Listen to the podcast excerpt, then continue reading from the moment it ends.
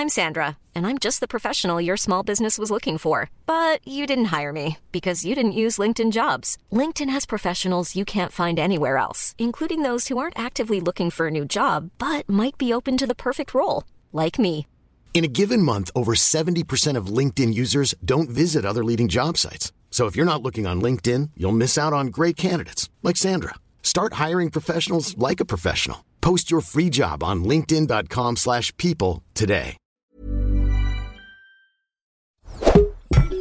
Media. Het is oorlog in Europa. Gaan we allemaal dood in een kernoorlog? Nee, ik denk het niet. Gaat de oorlog de wereld veranderen? Dat weet ik zeker. In samenwerking met Dagblad Trouw probeer ik met deze podcast grip te krijgen op de oorlog. Hier houd ik je wekelijks op de hoogte van de situatie in Oekraïne en Rusland. En dit gebeurde er in week 41 van de oorlog. Er komt niet veel van de voorspelde rust vanwege de winter. De oorlog verandert wel van karakter. Kort gezegd, je hebt gewoon een grotere kans om dood te gaan. Door onderkoeling natuurlijk, maar door de kou heb je ook een kortere tijd om te overleven als je gewond raakt en afgevoerd moet worden. En doordat bomen geen bladeren hebben, is het moeilijker om je te verstoppen.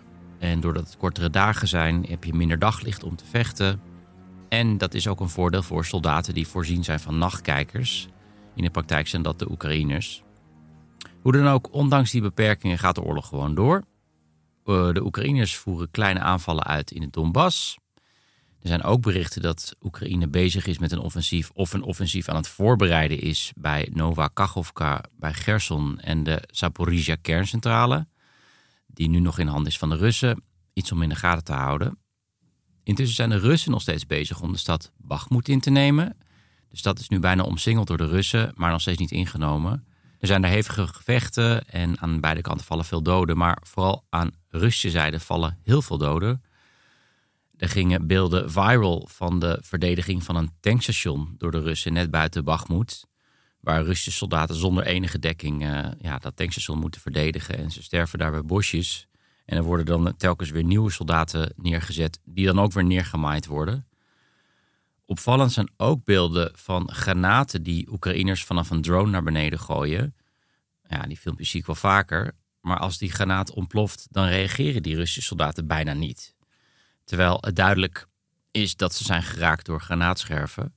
Het is niet duidelijk of ze dan al dood zijn of extreem onderkoeld zijn door kou bijvoorbeeld. Dat kan ook heel goed. Veel van deze soldaten zijn afkomstig van de Wagner-groep. Eh, het zijn vaak voormalige gevangenen. En het schijnt dat Wagner gebruik maakt van drones om in de gaten te houden dat soldaten doen wat van hun wordt gevraagd. Bijvoorbeeld liggen vernikkelen bij een tankstation zonder dekking. En met al die camera's van die drones is het een soort van real-time strategiespel. Echt totaal bizar. Als ze weglopen, worden ze door hun eigen officieren gedood. Aan de Oekraïnse zijde lijken de omstandigheden beter te zijn. Ze zijn meer gemotiveerd natuurlijk. Kwaliteit van de loopgraven lijkt ook beter. Bovendien hebben de mannen veel ervaring met loopgraven in de winter. Je moet niet vergeten dat Oekraïne al acht jaar oorlog voert. En veel Oekraïense mannen hebben de afgelopen jaren al een winter doorgebracht aan het front. Intussen in Kiev en in andere steden wordt het steeds lastiger om de elektriciteit, water en verwarming te herstellen door de constante bombardementen. En toch proberen de Oekraïners er het beste van te maken.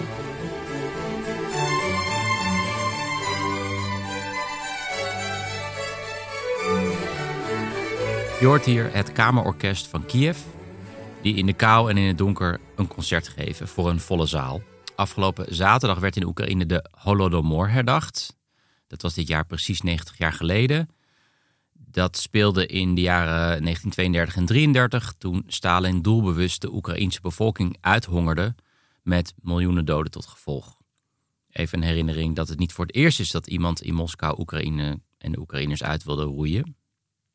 In de show notes een stuk van Michiel Driebergen, correspondent voor Trouw in Oekraïne, waar hij nabestaanden van die Holodomor spreekt, eh, waar ze vertellen over gruwelijkheden, waaronder cannibalisme. In een toespraak zei Zelensky: Ooit wilden ze ons vernietigen door ons te verhongeren, nu door ons in de duisternis en de kou te dompelen, maar ze kunnen ons niet breken, ons vuur gaat niet uit. Gaan we door naar de Russische media.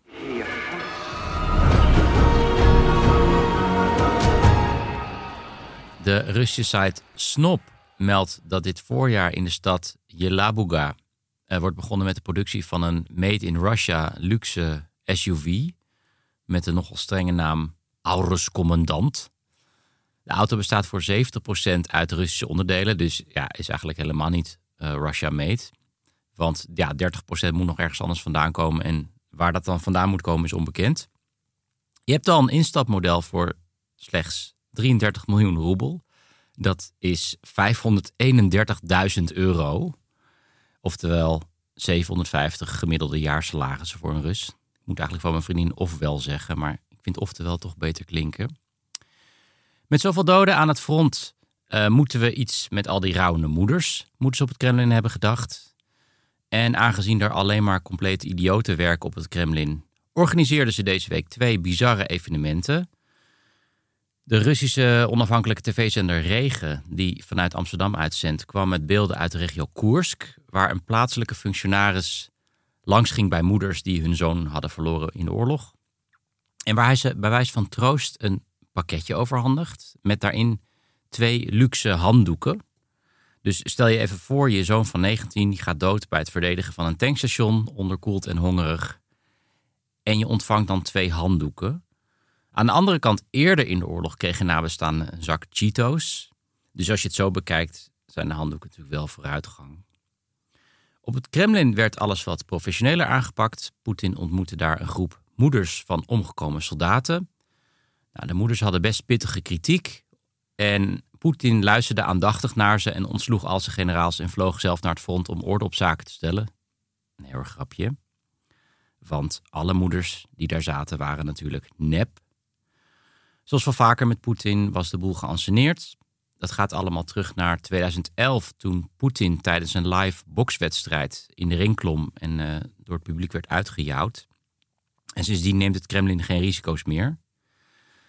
Op de Russische telegramkanalen werden de beelden uitgeplozen, dus van die ontmoeting met die zogenaamde moeders. Sommige van hun werkten bij de FSB, andere waren acteurs die vaker opduiken in andere reportages. En een van hun had daadwerkelijk haar zoon verloren in Oekraïne, maar dat was al drie jaar geleden in 2019. Sommigen twijfelden of Poetin überhaupt wel tussen deze acteurs zat, want zoals wel vaker bij dit soort bijeenkomsten leek het alsof hij in het beeld was geplakt, alsof hij gewoon voor een greenscreen zat. Dat is allemaal vrij makkelijk te achterhalen zonder al te veel moeite. En dat moet het Kremlin ook wel weten, maar het kan ze gewoon niks schelen. Dat ze worden ontmaskerd als een stel leugenaars. Want die beelden zijn bedoeld voor de massa's die niet de moeite nemen om aan dit soort beelden te twijfelen. Poetin sprak de moeders toe met ja, echt wel onnavolgbare logica. Hij zei: In ons land vallen elk jaar 30.000 doden door auto-ongelukken en net zoveel doden door alcohol. De dood is onvermijdelijk. Uh, dat terwijl dit nou precies doden zijn die je kan voorkomen. Door ervoor te zorgen dat Russen bijvoorbeeld een gordel omdoen of normaal rijden of niet hun rijbewijs kopen bij een corrupte official. Of helpen ze van de drank af te komen of te zorgen dat er geen reden is dat mensen gaan drinken. Bijvoorbeeld door met al die miljarden inkomsten aan olie en gas van Rusland een beschaafd land te maken. Hoe dan ook, Poetin vervolgt. Sommige mensen gaan dood aan wodka en hun levens worden niet opgemerkt. Maar jullie zonen hebben geleefd met een doel. En zij hebben een doel bereikt. Iemand op Telegram die merkte op. Dus het doel is om jong te sterven in een zinloze oorlog die wordt gevoerd door incompetente idioten. Oké, en dan nog dit. Ja, want de vraag is hoe lang deze incompetente idioten nog aan de macht blijven. Een vraag die door vele luisteraars wordt gesteld in een of andere vorm. Een van die luisteraars is Corian Koops. Corian ontvangt een kledingpakket van onze trouwe sponsor en dat is Bamigo. Zij maken duurzame kleding op basis van bamboe. Bamboe heeft veel minder water en pesticiden nodig dan katoen en is ook nog eens zacht. Ze maken onder meer ondergoed, polo's en t-shirts. Je kan eens een kijkje nemen op bamigo.com. In ieder geval, Corian die vraagt: Je hoort vaak, iemand moet die Poetin toch kunnen stoppen. Wat zijn de gevolgen en scenario's voor als Poetin niet meer aan de macht zou zijn? Goeie vraag. Een vraag waar ik de afgelopen negen maanden eerder bij stil heb gestaan. Officieel kan Poetin tot aan 2036 aan de macht blijven. Maar de kans wordt steeds groter dat hij dat niet gaat redden. Dus het kan geen kwaad om toch weer even hierbij stil te staan, want de situatie verandert ook natuurlijk. Dus laten we eventjes kijken naar de drie scenario's. Poetin zou aan een eind kunnen komen door protesten, of door een ziekte, of door een coup. Te beginnen met het scenario dat Poetin wordt verdreven door protesten. Nou, die kans is denk ik heel erg klein. Ondanks de complete puinzooi in Oekraïne en de dood van vele jonge jongens, zijn er eigenlijk nauwelijks protesten in Rusland. En de Russen zeggen dan, of heel veel Russen zeggen dan, ja, maar demonstreren in Rusland is ook heel erg gevaarlijk. En dan denk ik, ja, in China en uh, Iran is dat nog veel gevaarlijker. Dan gaan ze wel de straat op. Maar goed. Dan ziekte. Ik heb op dag 37 al uitgebreid aandacht besteed aan Poetins gezondheid. Zou je nog eventueel terug kunnen luisteren. Maar in het kort, we weten vooral heel veel niet over Poetins gezondheid. Wat we wel weten is dat hij problemen heeft met zijn rug sinds hij in 2012 van zijn paard viel. En dat hij is omringd door een leger aan artsen, waarvan één gespecialiseerd in schildklierkanker. En ook dat hij af en toe een bad neemt, uh, gevuld met bloed van hertengeweien. Ja, en je ziet met enige regelmaat zie je Poetin in beeld een beetje raar lopen en zich krampachtig aan een tafel vasthouden. Je ziet hem ook soms met zijn handen schudden. En voor veel mensen zijn dit een soort strohalmen, waardoor ze denken dat hij vast terminaal ziek wel zal zijn. Maar dat weten we simpelweg niet. Dan de door sommigen gehoopte paleiskoep. De kans is nog steeds heel erg klein op een koep. Poetin lijkt de touwtjes stevig in handen te hebben, zowel bij zijn regering als bij het leger als de geheime diensten. En er zijn ook helemaal geen tekenen van dat dit aan het veranderen is. Eigenlijk is het meest waarschijnlijk nog het scenario dat Poetin onder lichte dwang wordt gevraagd om af te treden. Misschien in ruil voor amnestie, zoals Poetin ook heeft gedaan met zijn voorganger Yeltsin. Maar de vraag is of Poetin dat wel aandurft. Want wie kan hij eigenlijk nu vertrouwen? Hoe kan hij zeker weten dat iemand zijn hand boven zijn hoofd zal houden? Want waarom zou de opvolger van Poetin niet hem gewoon offeren en hem aanwijzen als de schuldige voor deze oorlog? Maar de belangrijkste vraag, en het zit ook een beetje verstopt in de vraag van Korian, is Rusland wel per se beter af zonder Poetin? Is de vervanger van Poetin per se nou beter dan Poetin? Uh, zal die zich dan terugtrekken uit Oekraïne en betere banden met het Westen onderhouden? Nou, dat is maar zeer de vraag. Ik blijf dat een beetje herhalen als een mantra hier. Poetin is een gematigd politicus en je hebt nog veel ergere boeven en engere nationalisten die nog oorlogzuchtiger zijn, zoals bijvoorbeeld Yevgeny Prigozhin, het hoofd van de Wagner-groep. Die lijkt steeds machtiger te worden. Hij geeft ook openlijk kritiek op Poetin en hij beschikt over een leger mannen, gewoon letterlijk. Hij heeft gewoon een heel leger. Deze man had bij wijze van grap deze week een uh, bebloede moker gestuurd naar het Europees Parlement. Dat was dan weer een verwijzing naar de gruwelijke executie met een moker van een Wagner-soldaat door mensen van Wagner zelf. Ik besprak het vorige week al. Hij stuurde die moker naar het Europees Parlement helemaal gangsterstyle in een vioolkist. En in dat parlement werd net gestemd of Rusland zou moeten worden bestempeld als staatssponsor van terrorisme. Nou, geloof me, met zo'n Prigozhin aan de macht is Rusland of de rest van de wereld trouwens niet beter af dan met Poetin. En ik denk dat de beste variant misschien nog steeds is dat Rusland zich geheel terugtrekt uit Oekraïne en Poetin dat op de een of andere manier politiek overleeft. Hoe dan ook, Corian, bedankt voor je vraag. Wil je nou ook kans maken op een kledingpakket van duurzame bamboe? Stuur dan ook je vraag. Het e-mailadres staat in de show notes. Maar je kan natuurlijk ook zelf je kleren bestellen bij Bamigo. Ontvang nu 25% korting op je eerste bestelling op bamigo.com. Korting is exclusief voor de luisteraars van de show met gebruikmaking van kortingscode Jelle25. Bij mij aan tafel zit Floris Akkerman, die regelmatig verslag doet vanuit Oekraïne. Floris, welkom. Dag Jelle. Floris schrijft onder meer reportages voor NRC, maar heeft ook een hele fijne podcast samen met Geert-Jan Haan, de zogenaamde Perestroikast. Ik zal een link in de show notes zetten. Floris is net terug uit Oekraïne. Je gaat vaker op en neer naar Oekraïne.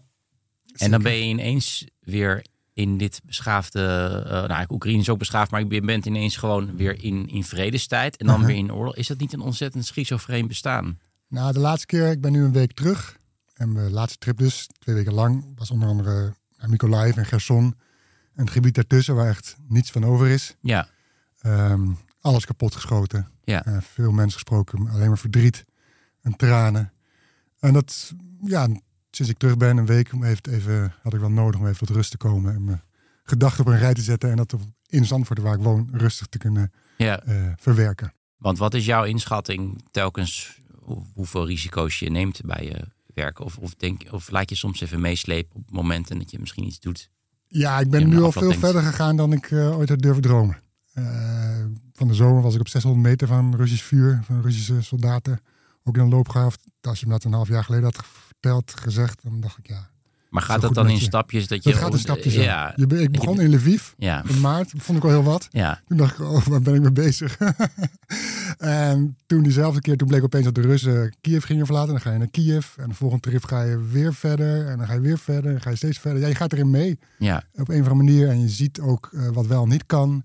Het is ook niet zo dat eh, heel veel mensen, ik weet niet of heel veel mensen dat denken, maar het is niet zo als je Oekraïne binnenstapt dan dan de kogels je om meteen Nee. op de oren vliegen. Nee. Dat, eh, dat, er wordt gev- gevochten aan een heel lang gerecht front. Ook niet overal over het hele front. Er wordt niet 24 uur maal 7 gevochten. Ik bedoel, Ja. ze moeten ook slapen, ze moeten ook eten. Dus het is niet zo dat je daar continu overal waar je bent, ook aan het front, continu gevaar loopt. nee. Dus dat Maar neem je allemaal mee in je, ja, in je inschatting. En wordt ook bijgestaan door de redactie van NRC, die me daar heel goed begeleiden met Hm. analyses en met tips en adviezen. En, eh, dus je want alleen je, voor. je, je was met je laatste trip was je bij de bevrijding van eh eh, Gerson. ja, ja. Dat, ja, nu we terugkijken, was dat relatief veilig. Maar we, op dat moment wist je natuurlijk helemaal niet of die Russen aan de overkant van de rivier die stad Nee, gingen beschieten. klopt, Dus klopt.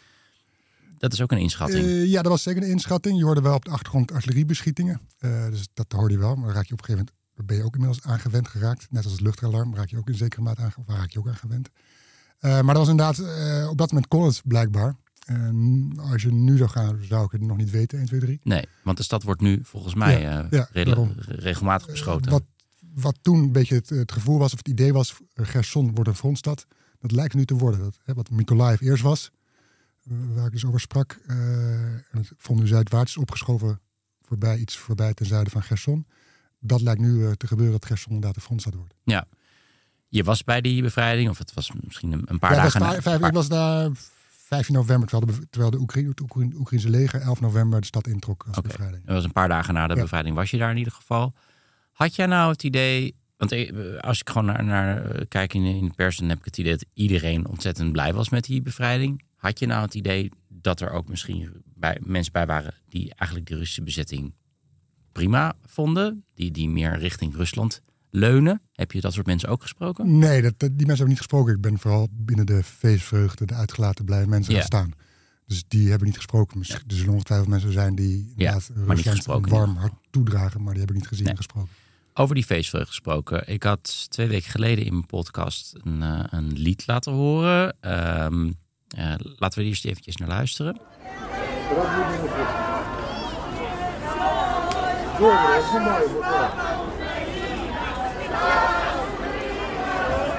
Кажуть, на Миколаїв воду. Кажуть, на Миколаїв Er zijn mensen rond een eh, een vreugdevuur in, eh, in Gerson. En jij bent even in dat lied gedoken. Ja, ehm, Vertel eens. dat lied dat je hoorde, dat heet Oi Uluzi Cherveno Kalina. O in de weide een rode sneeuwbalstruik. En eigenlijk op het moment dat die oorlog... Sneeuwbalstruik. Sneeuwbalstruik, Ja, je zegt heel woord. casual van iedereen weet wat Ja, nee, sneeuwbalstruik het- is. ja, een maar, prachtige bloem. Plant, een nationale plantbloem van, eh, van Oekraïne. Ja.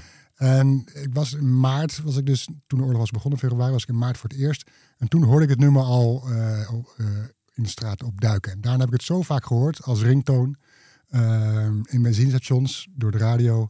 eh, een straatmuzikant. Het wordt gezongen in de schuilkelders van Kiev als Oekraïne of Kiev wordt aangevallen met Russische raketten. Dus toen ben ik in het nummer gaan duiken van ja, hoe zit het nou eigenlijk? Wat, waar, waarom is het nummer nou zo beroemd? En zingt iedereen het? Ehm, het, is een eeuw, het is een nummer uit 1914.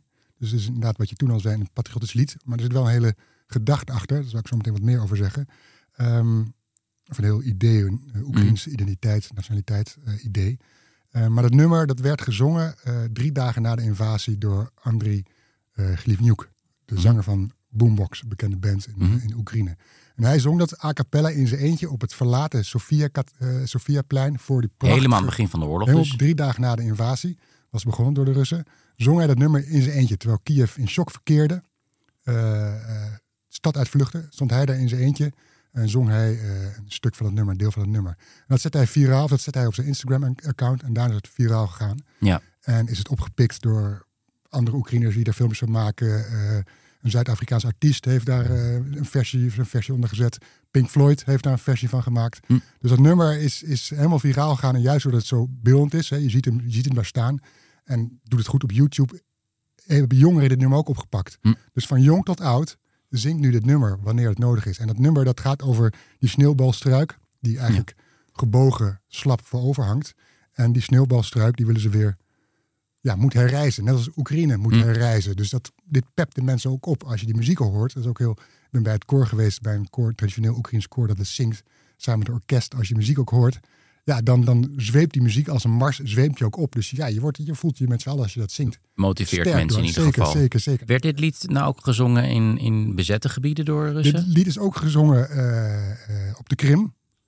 Tijdens een bruiloft Ja. eh, van de zomer, als ik het goed als ik niet vergist.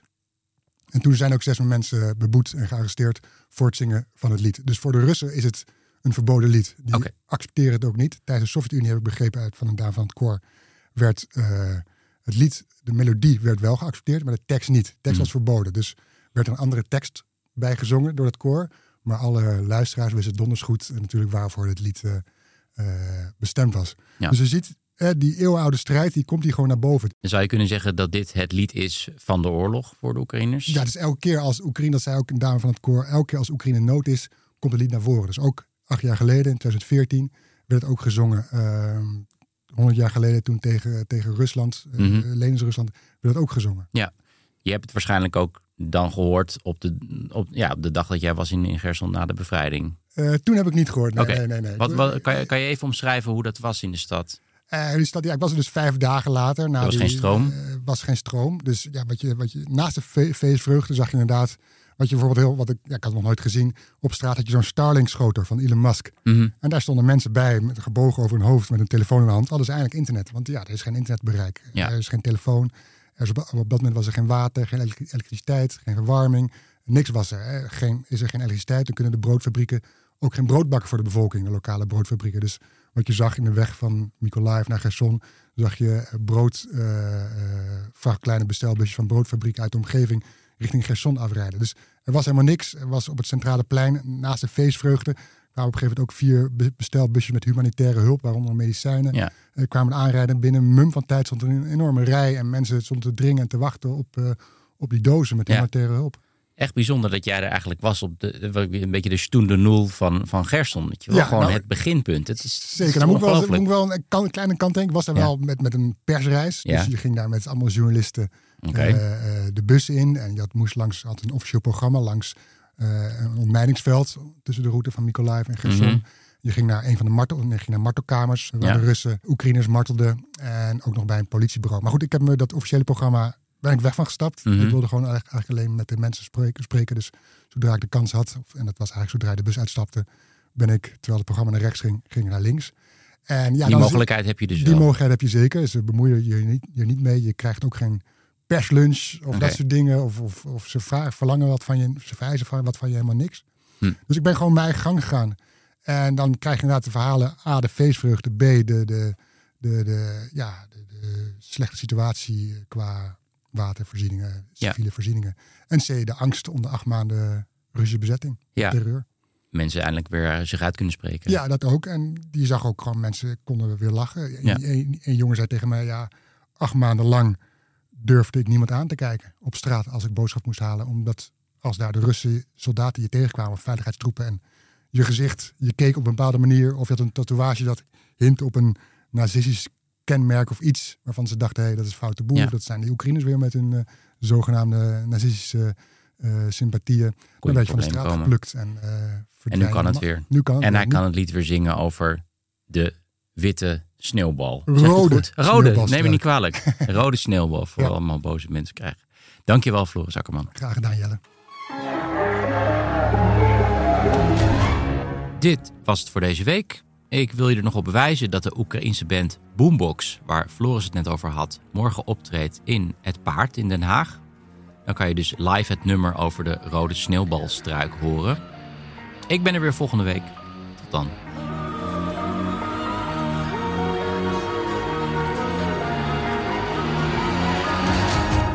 Dit was een productie van Tony Media en Dagblad Trouw. Voor meer verdieping ga naar trouw.nl. Hey, it's Danny Pellegrino from Everything Iconic. Ready to upgrade your style game without blowing your budget? Check out Quince. They've got all the good stuff shirts and polos, activewear, and fine leather goods, all at 50 to 80% less than other high end brands. And the best part? They're all about safe, ethical, and responsible manufacturing. Get that luxury vibe without the luxury price tag. Hit up quince.com slash upgrade for free shipping and 365 day returns on your next order. That's quince.com slash upgrade.